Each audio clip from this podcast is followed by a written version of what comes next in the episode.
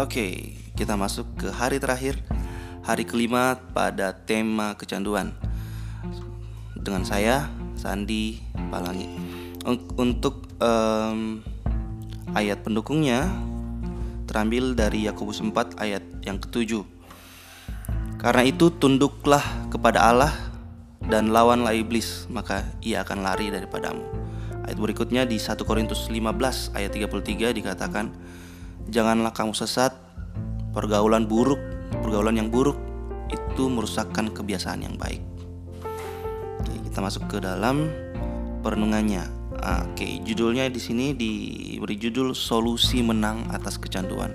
Jadi solusi menang atas kecanduan. Ini mungkin yang teman-teman cari-cari ya. Solusi menang atas kecanduan. Oke, tidak ada seorang pun yang hidup tanpa masalah. Sebab karena masalah kita memiliki kisah untuk kita bisa bagikan dan dengan masalah pun kita bisa semakin bertumbuh. Benar ya? Tidak jarang penemuan hebat lahir dari masalah yang dihadapi sebelumnya. Dan tidak jarang pula sistem baru yang akhirnya membantu jutaan orang lahir dari sebuah hambatan atau masalah. Sebenarnya setiap masalah itu pasti ada jalan keluarnya. Namun namun keputusan ada di tangan seseorang yang menghadapinya.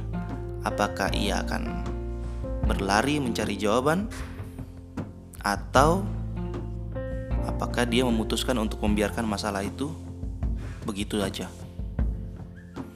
Begitu juga dengan masalah kecanduan. Kita harus memiliki suatu tekad yang kuat untuk bisa menang dari kecanduan. Lalu, bagaimana caranya menang dari kecanduan? Nah, di dalam Alkitab berkata di Yakobus 4 ayat 7, karena itu tunduklah kepada Allah dan lawanlah iblis, maka ia akan lari daripadamu. Jelas ya? Karena itu tunduklah kepada Allah. Selama kita nggak mau tunduk sama Tuhan, ya susah. Kita akan tidak akan bisa lepas dari masalah tersebut. Salah satu cara di sini katakan, salah satu cara adalah tunduk sama Tuhan dengan mendekatkan diri kita kepadanya. Dikatakan pula di 1 Korintus 15 ayat 33 di situ janganlah kamu sesat pergaulan yang buruk merusakkan kebiasaan yang baik. Nah, yang kedua, yang pertama tadi itu adalah tunduk kepada Allah. Yang kedua, kita hendaknya jaga pergaulan kita. Pergaulan yang sehat itu akan membuat kita semakin dekat dengan Tuhan. Dan juga sebaliknya, kalau pergaulan kita nggak bagus, ya sudah, nggak bakal selesai masalahnya.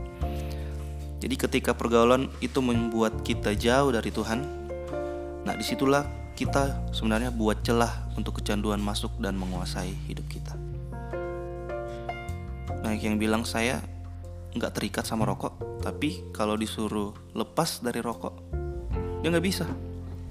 Apakah dia orang yang merdeka? Tentu saja bukan ya. Ada juga orang yang bilang, saya nggak, saya orangnya bebas kok. Saya tidak terikat dengan ponsel.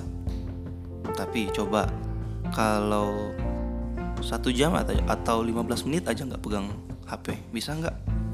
Nah, teman-teman bisa ukur sendiri ya dengan siapa kita banyak berbicara dan bertemu, itu sangat mempengaruhi pikiran bahkan keputusan keputusan kita. Dengan siapa kita bergaul, itu akan sangat-sangat mempengaruhi pikiran-pikiran kita dan bahkan apa yang kita mau putuskan dalam hidup kita. Jadi hati-hati dengan pergaulan kita. Kita harus bisa memilih pergaulan yang baik. Kalau mau lepas ya dari dari kecanduan. Ketika kita tunduk kepada Tuhan, maka kita bisa bertobat jadi di sini bagus sekali quote-nya. Bertobat itu ibarat seperti sunat. Ya, teman-teman tahu kalau sunat sunat itu tidak bisa sedikit-sedikit tetapi sekaligus dipotong dagingnya. Kalau sedikit-sedikit mah jadi menderita ya kan, lebih menderita. Jadi bertobat itu seperti sunat, tidak bisa sedikit-sedikit tetapi sekaligus. Nah, sering kali kita diperhadapkan dengan pilihan-pilihan untuk tetap melakukan dosa atau stop sampai di situ. Ya kan? Kita diperhadapkan sama sesuatu atau uh, keadaan, apakah kita tetap melakukan dosa itu atau kita harus stop sampai di situ? Itu keputusan teman-teman. Bahkan biasanya kita ah saya kurangin aja dulu deh. Bahkan dengan strategi mengurangi itu adalah salah satu jalan yang ditempuh. Namun pada dasarnya kita itu lemah akan kedagingan kita sendiri. Sehingga jatuh dan jatuh lagi ke lubang yang sama. Jangan pernah berkompromi dengan kecanduan karena hanya ingin merasakan enaknya saja. Kita butuh Tuhan untuk memampukan kita untuk bertobat sekaligus bukan bertobat sedikit-sedikit. Ya. Jangan lupakan pula kekuatan doa yang bisa kita lakukan setiap saat minta kekuatan dari Roh Kudus untuk kita bisa lepas dari setiap kecanduan. Nah, sekarang kita tanyakan kepada diri kita sendiri beberapa pertanyaan berikut. Ayo kita cek ya diri kita sendiri ya. Yang pertama, selama ini cara apa sih yang saya gunakan untuk keluar dari kecanduanku? Apakah cara saya sendiri ataukah kalau saya betul-betul serahkan sama Tuhan? Yang kedua, kira-kira siapa ya tiga orang yang terdekat saya yang sering bertukar pendapat dengan saya? Teman-teman harus lihat siapa teman bergaul teman-teman. Apakah teman-teman itu yang bisa teman-teman kita itu bisa membawa kita ke perbaikan hidup bahkan bisa membawa kita ke mujizat yang kita inginkan. Tapi teman-teman kita pun itu bisa membawa kita ke jurang. Ini teman-teman harus hati-hati dengan dengan siapa teman-teman bergaul. List tiga nama orang yang terdekat teman-teman yang sering bertukar pendapat dengan teman-teman. Ya.